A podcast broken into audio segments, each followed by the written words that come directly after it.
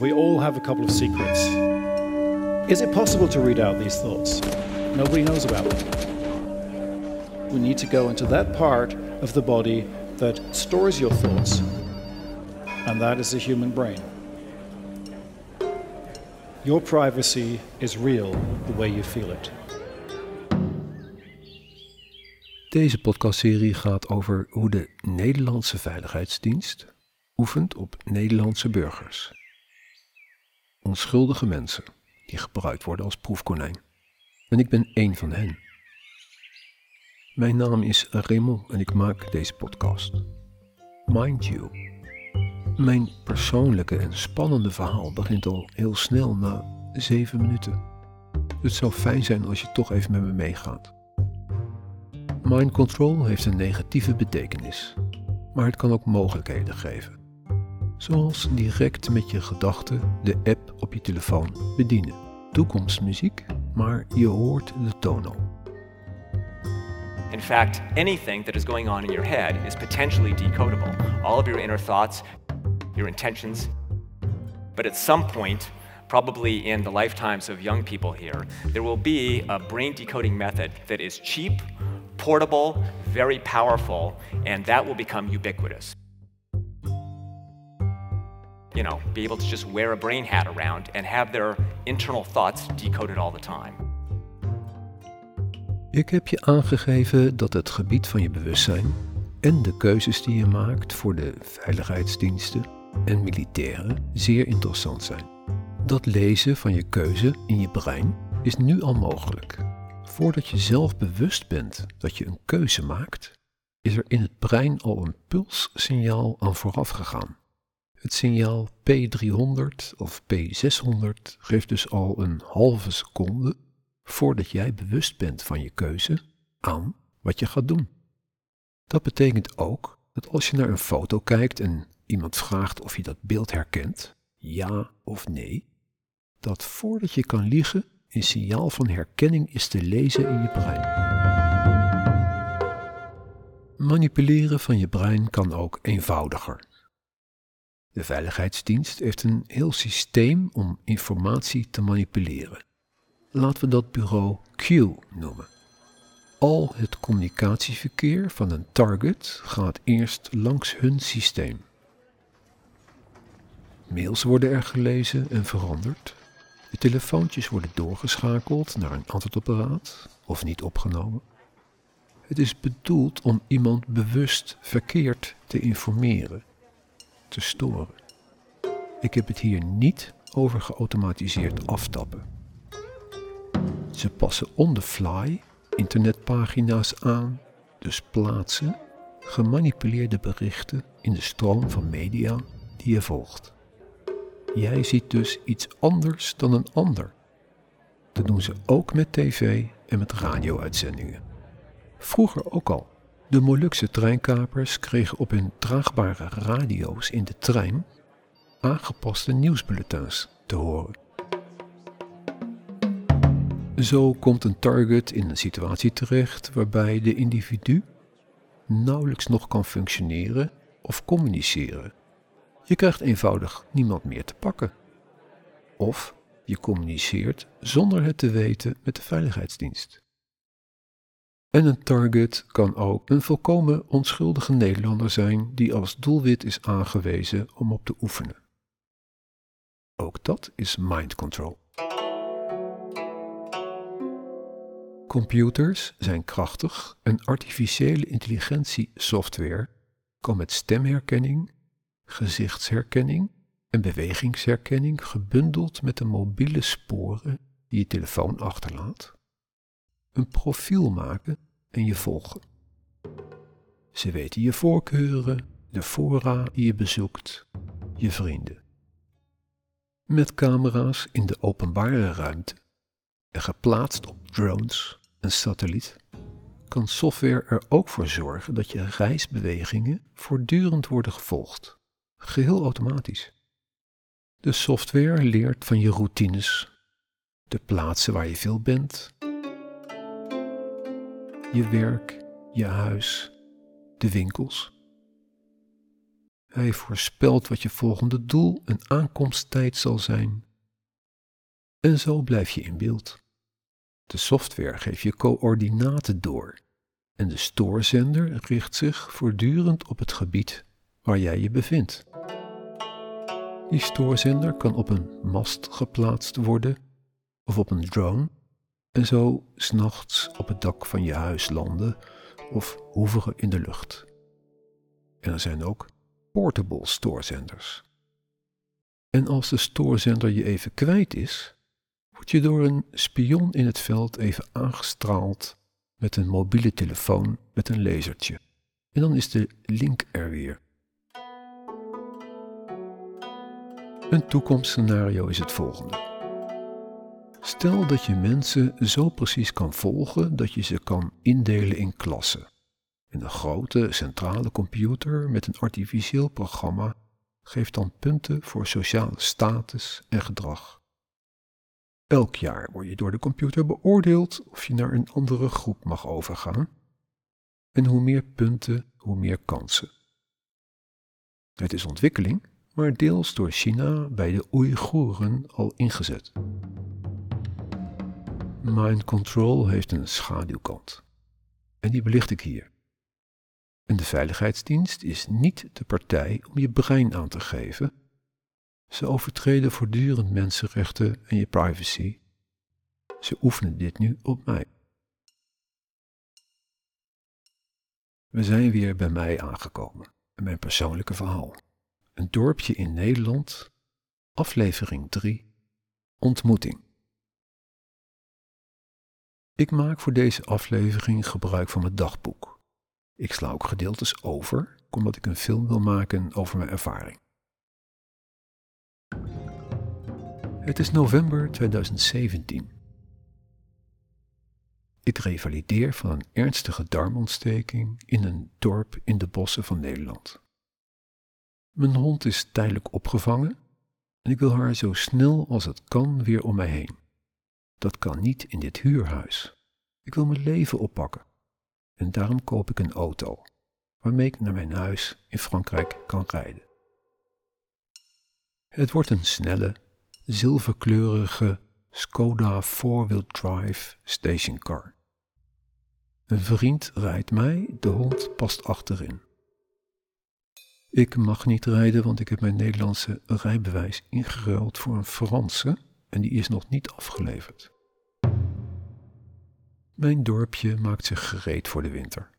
Langs de weg worden lange rood-witte stokken gestoken, zodat je straks in de sneeuw nog ziet waar de weg loopt.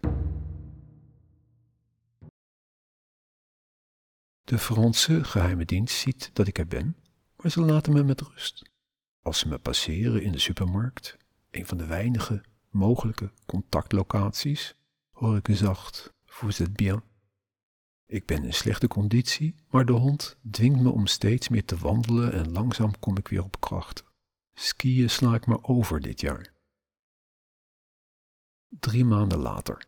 Het is 7 april 2018. In een dorpje als deze ken je de postbezorgers. Maar nu stopt er een onbekende bezorger voor mijn huis en overhandigt me een envelop met mijn tijdelijke Franse rijbewijs.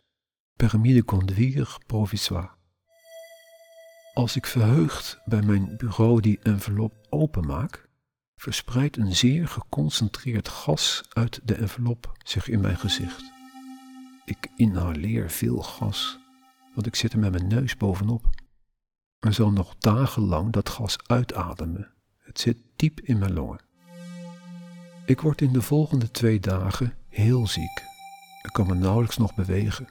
Ik kan de hond niet uitlaten, ik kan niet eten.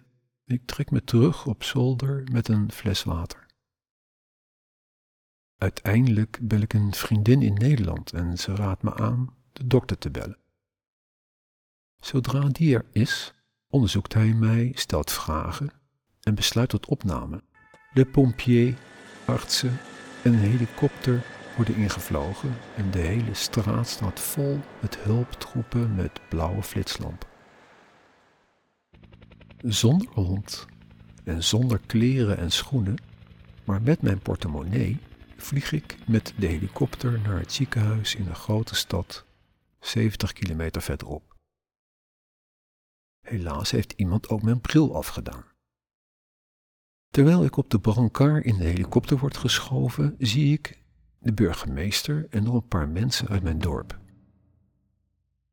Ik roep hard in het Frans dat ik een vriend ben van Frankrijk. Waarom ik dat deed? Geen idee. Je suis un ami de France, roep ik. Maar de burgemeester antwoordt dat ik een vijand ben van Frankrijk. Iemand anders uit het groepje zegt: Ça, c'est l'accident. 8 april 2018. In het ziekenhuis is bloed afgenomen. Een vrouwelijke arts komt langs, ze is alleen. Ik dring aan op haar mening. Terwijl ze wegloopt, zegt ze snel en zacht dat de waardes in mijn bloed smerig zijn en ze trekt er een vies gezicht bij. De nachtzuster. Midden in de nacht komt er een zuster in mijn kamer die bloed wil prikken. Dat had ik niet verwacht. Het bloedbeeld was al compleet, was me gezegd. Maar ze heeft alles klaar liggen: een naald met een slangetje en een spuit. Eigenlijk vertrouw ik het niet en ik zeg tegen haar dat ik niet meer hoef te worden geprikt. Het moet. Ze brengt de naald in zonder enige pijn, professioneel en snel. Maar in plaats van bloed die via het slangetje omhoog naar de injectiespuit loopt, drukt ze de spuit leeg via het slangetje. Ik krijg iets toegediend. Zodra ze dat heeft gedaan, neemt ze de zuiger omhoog en nu stroomt er inderdaad bloed via de slang omhoog. Ik schrik en zeg haar dat ze me iets heeft ingespoten, maar ze zegt dat dit haar opdracht was. De volgende dag komt een groepje artsen en studenten op visite. Grote groep. De mannelijke arts praat Engels met mij en maakt grapjes. Hij zegt dat alles goed is, bloedwaardes zijn goed. Hij laat het me zien, een papier met een opsomming van waardes, getallen en een bandbreedte. Ik zeg hem in het Engels dat een vrouwelijke arts me een dag eerder vertelde dat mijn bloed heel smerig was. Nu buigt hij zijn gezicht naar voren, vlak bij mij, en mompelt heel zacht dat hij niet kan praten. Die zijn niet van ons. Hij knikt met zijn hoofd. Ik bekijk het groepje eens nauwkeurig. De arts, twee vrouwelijke zusters, vier jonge mensen, studenten schat ik in, en dan twee mannen, in de veertig, ook in een witte jas, die achteraan staan en me fronsend, ik zou zeggen, agressief aankijken op het moment dat de arts met me praat. Meteen na zijn mededeling buigt hij zijn gezicht af en zegt hardop in het Frans: Prima, je bloed is uitstekend, niets aan de hand. De twee mannen ontspannen, een glimlachje. Ik weet voldoende en besluit te vluchten. Ik verstop mij een nacht in een wc van het ziekenhuis die ik afsluit alsof hij buiten werking is. De volgende morgen sta ik op mijn sokken bij een uitgang van het ziekenhuis, waar geen camera hangt, en vraag ik mensen om een lift. Een man brengt me naar een sportwinkel.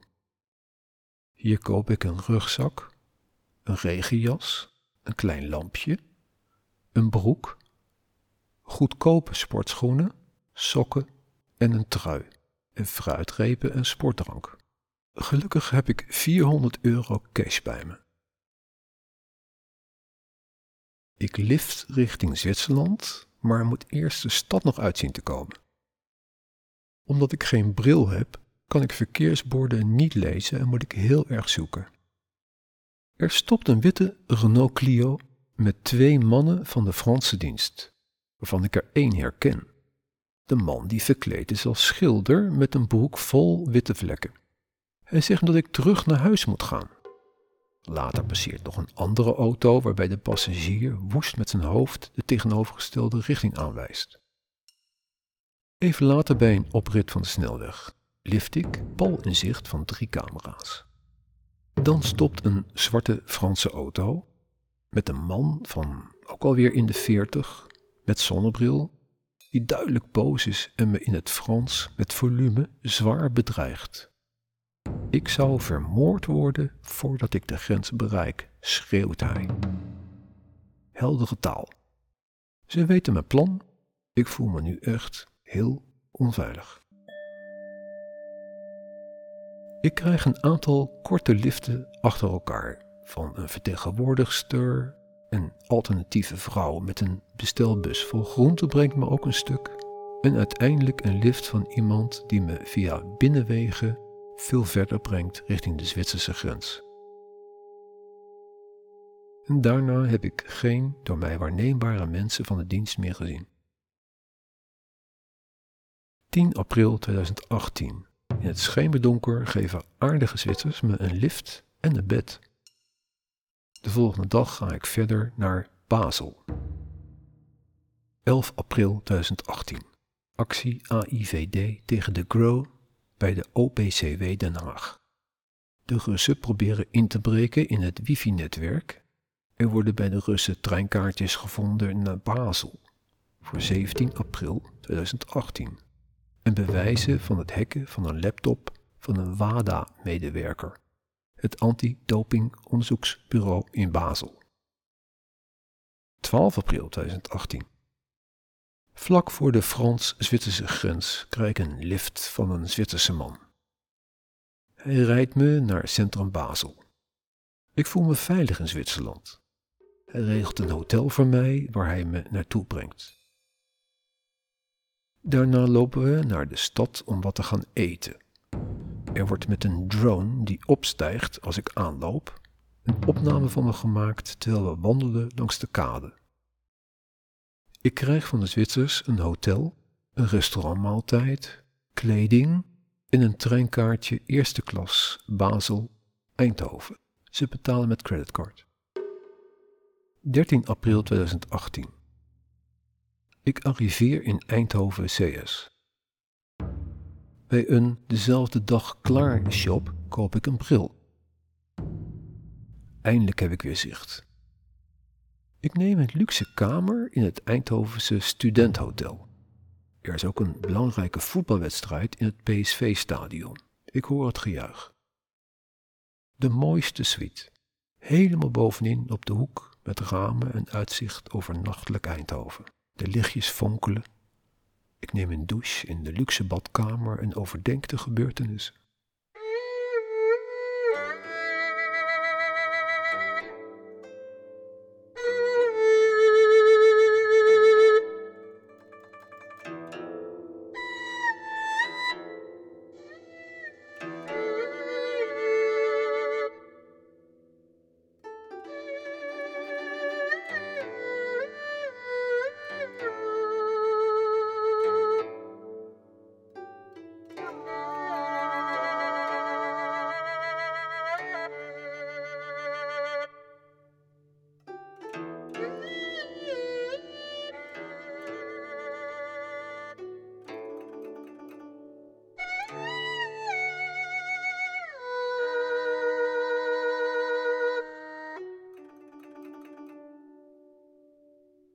Wat een contrast.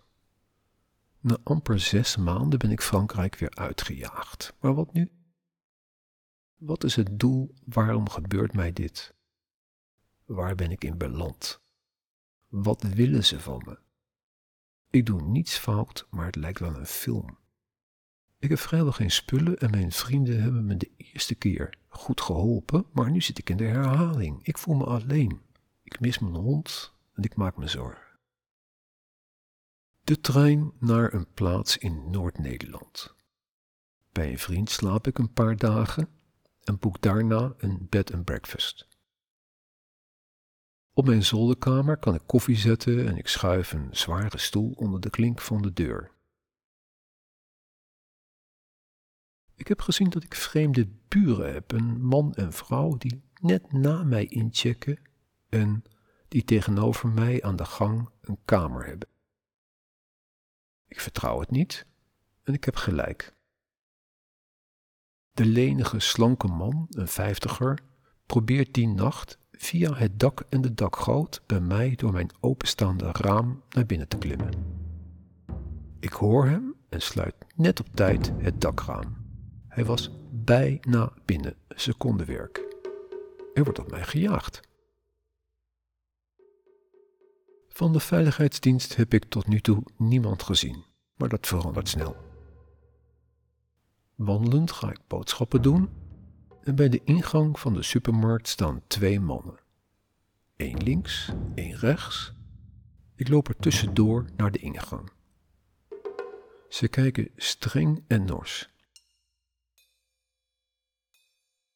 Op het moment dat ik passeer, hoor ik een boodschap die even tijd nodig heeft om door te dringen. Het is een boodschap met een laag geluid op een drukgolf. Ik noem dat een geluidsbom. De mannen hebben onder hun kleding of in een tas een apparaat waarmee de boodschap afgespeeld wordt. Je hoort met je oren iets. Het is een drukgolf die je een beetje ontcijferen moet. Het duurt even. Je moet je concentreren, maar dan hoor je gesproken woord. Ik stond stil en luisterde. Mijn hoofd iets naar beneden gebogen. Van deze boodschap weet ik niet meer precies wat het was. Het was iets dreigends of ik moest binnenkomen via een afspraak, ik weet het niet meer. Dit was de eerste keer dat ik met dit systeem zo'n boodschap kreeg. Ik probeerde in die tijd en ook later te negeren als ik aangesproken werd. Volkomen negeren. Alsof ik het niet hoorde. Ze werden helemaal dol van mij. Maar de toon was nooit prettig, de fysieke gelaatstrekken ook niet, en ik laat me niet dwingen. Ik heb hier niet voor gekozen.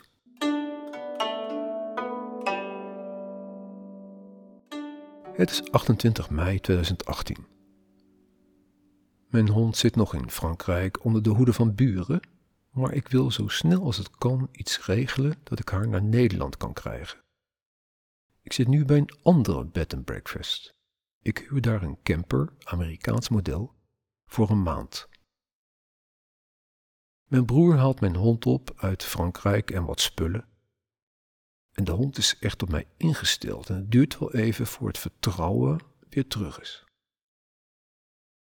Op deze bed and breakfast boekt ook de veiligheidsdienst in, door een andere naam.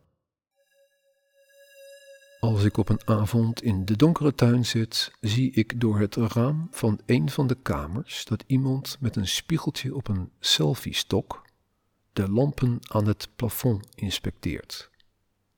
Omdat hij in het licht staat en de gordijnen open zijn, is het een aardig tafereel, heel ouderwets. Er zijn verschillende nationaliteiten hier. Het is druk. De veiligheidsdienst begint een systeem te gebruiken om met perslucht wolkjes gas en richting op te schieten. Twee Belgische mannen schieten tranquilizers als kleine gasbommetjes in mijn richting, gewoon als ik op een stoel zit voor de camper. Ik ben er dagenlang prettig onder zeil van. Schor, maar ik vind het ook wel lekker. Ik kon even vergeten, ik vond het niet erg. Later begreep ik dat ze vonden dat ik heel beschadigd was teruggekomen uit Frankrijk. De Fransen waren veel te ver gegaan, ik was te opgefokt. En ze durfden me niet te benaderen zonder dat ik tranquilizers toegediend had gekregen. Een soldaat met oorlogstrauma.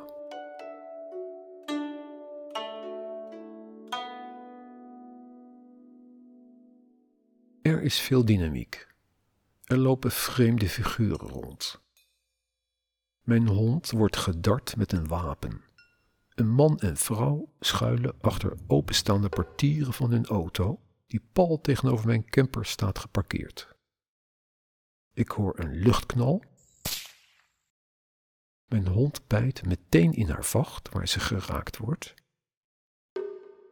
Ik zie geen pijltje, alleen een zwart splintertje. En op die dartplek in haar huid ontstaat later een grote ontsteking waarmee ik naar de dierenarts moet. Ze willen haar in kalme staat brengen om s'nachts, als ze in de garage slaapt, iets met haar te doen. Ik zeg maar niet wat, want dat geloof je niet. Ik ben woest en hou haar deze nacht in de camper, terwijl ze normaal in de garage slaapt. Ze is heel suf, maar gaat niet onder. De volgende dag loopt een klootzak van de veiligheidsdienst op mij af en zegt: Ik kan je hond zo afmaken. En hij doet zijn hand in zijn zak. Ik voel me bedreigd. Wat een asshole. Ik laat haar weer in de garage slapen.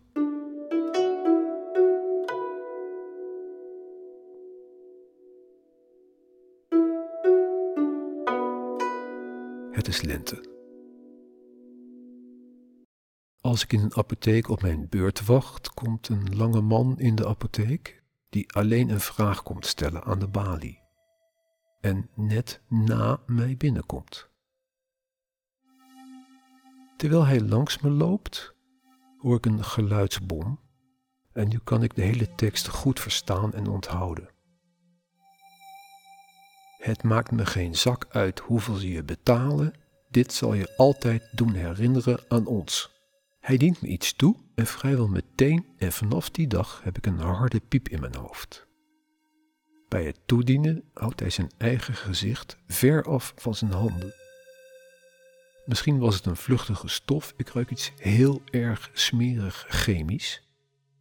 Mijn hoofd explodeert. Niemand die het ziet. De woorden van de AIVD'er in de apotheek piepen nog na. Wat was nu het uitgangspunt? Moesten ze nog een beslissing nemen wat nu met mij te doen en hoorde betaling van schade daarbij?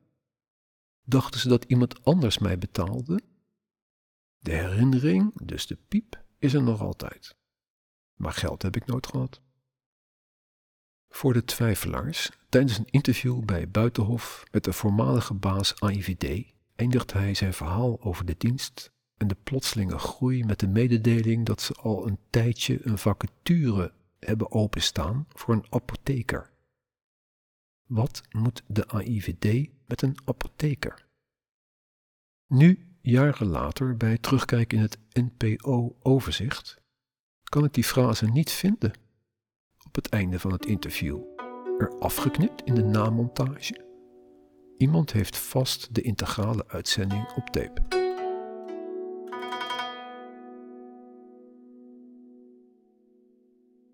24 mei 2018. Ik sla veel interessante dingen over, maar ik heb mijn hond achtergelaten bij de bed and breakfast. Een reis vanuit Leeuwarden, zonder hond, naar Amsterdam met een taxi. Ik laat haar daar achter omdat het voor haar beter is niet meer bij mij te zijn. Dit afscheid van mijn hond vergeef ik de dienst nooit. Ze komt wel goed terecht, maar ik mis mijn hond nog altijd. Amsterdam in het voorjaar. Ik ga naar verschillende hotels. Er wordt duidelijk nog steeds op mij gejaagd. Ik ben vogelvrij.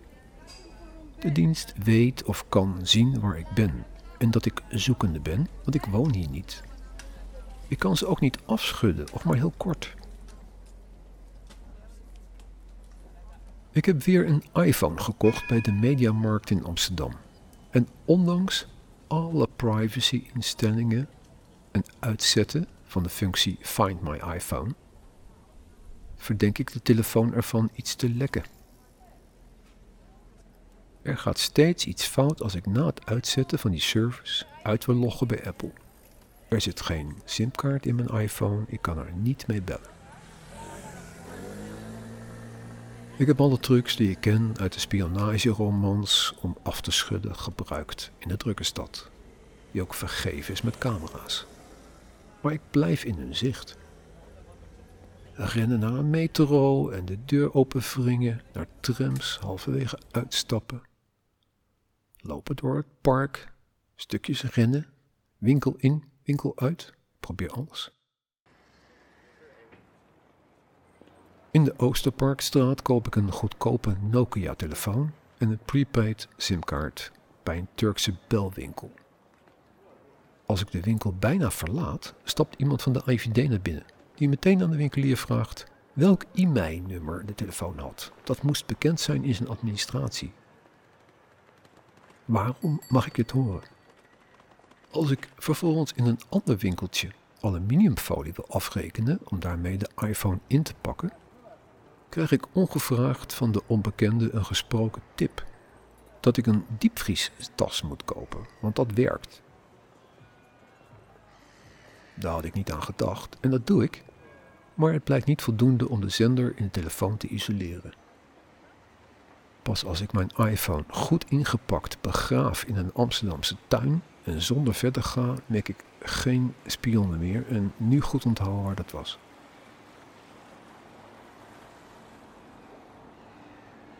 Ik weet niet wat er aan de hand is. Er wordt op mij gejaagd door internationale teams. Ze maken het me zo moeilijk als het maar kan.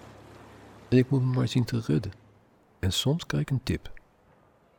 Ik zag het zeker niet als een leerschool, maar als een gedwongen recruitment.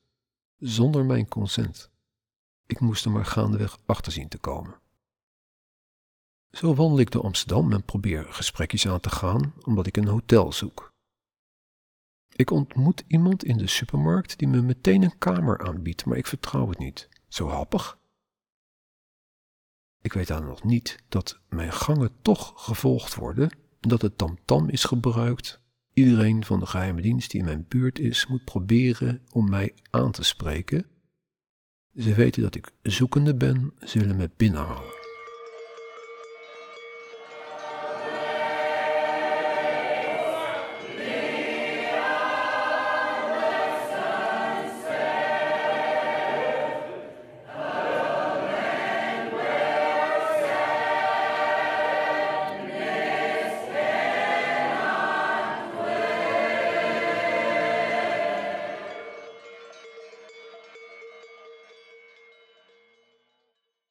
Het is zondag 27 mei 2018, Amsterdam. Ik bel lang met mijn broer met de prepaid telefoon en steek een plein over. Het is zondag, maar de winkels zijn open. Nadat ik terugloop met stroopwafels, zit er op de stoep een vrouw. Ik spreek haar aan en we drinken buiten thee.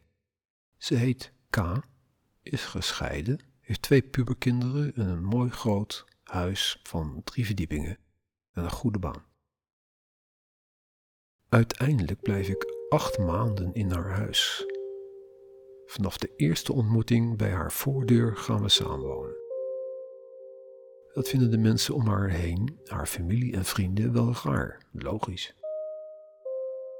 Ineens zit ik in een huis met een vrouw en twee pubers en delen we alles. Ik voel ontzettende noodzaak te praten over wat met mij is gebeurd in Frankrijk. Met K doe ik dat niet.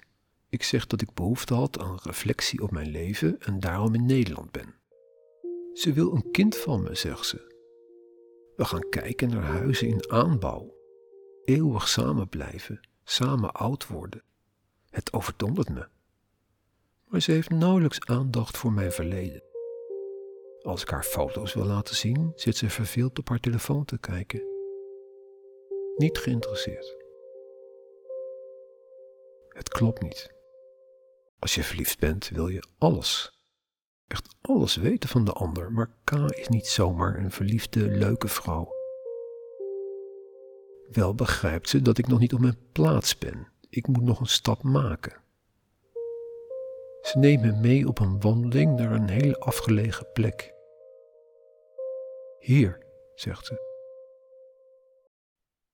Hoe de druk en dreiging toeneemt en ik een moeilijke periode beleef in mijn nieuwe woonplaats. Waarbij de veiligheidsdienst al haar technieken uittest en ik besluit om aangifte te doen. Dat hoor je in de volgende aflevering. Twee weken. En blijf geloven in jezelf. Sta pal voor je keuzes en beslissingen. Want het beschermen van je mensenrechten dat kun je niet overlaten aan de veiligheidsdienst. Mind you. Humans in general are pretty bad about guarding their privacy. But it is the world we're going to live in very soon. Now, that's both exciting and, frankly, quite scary, because you can imagine all the ethical issues that this will open up.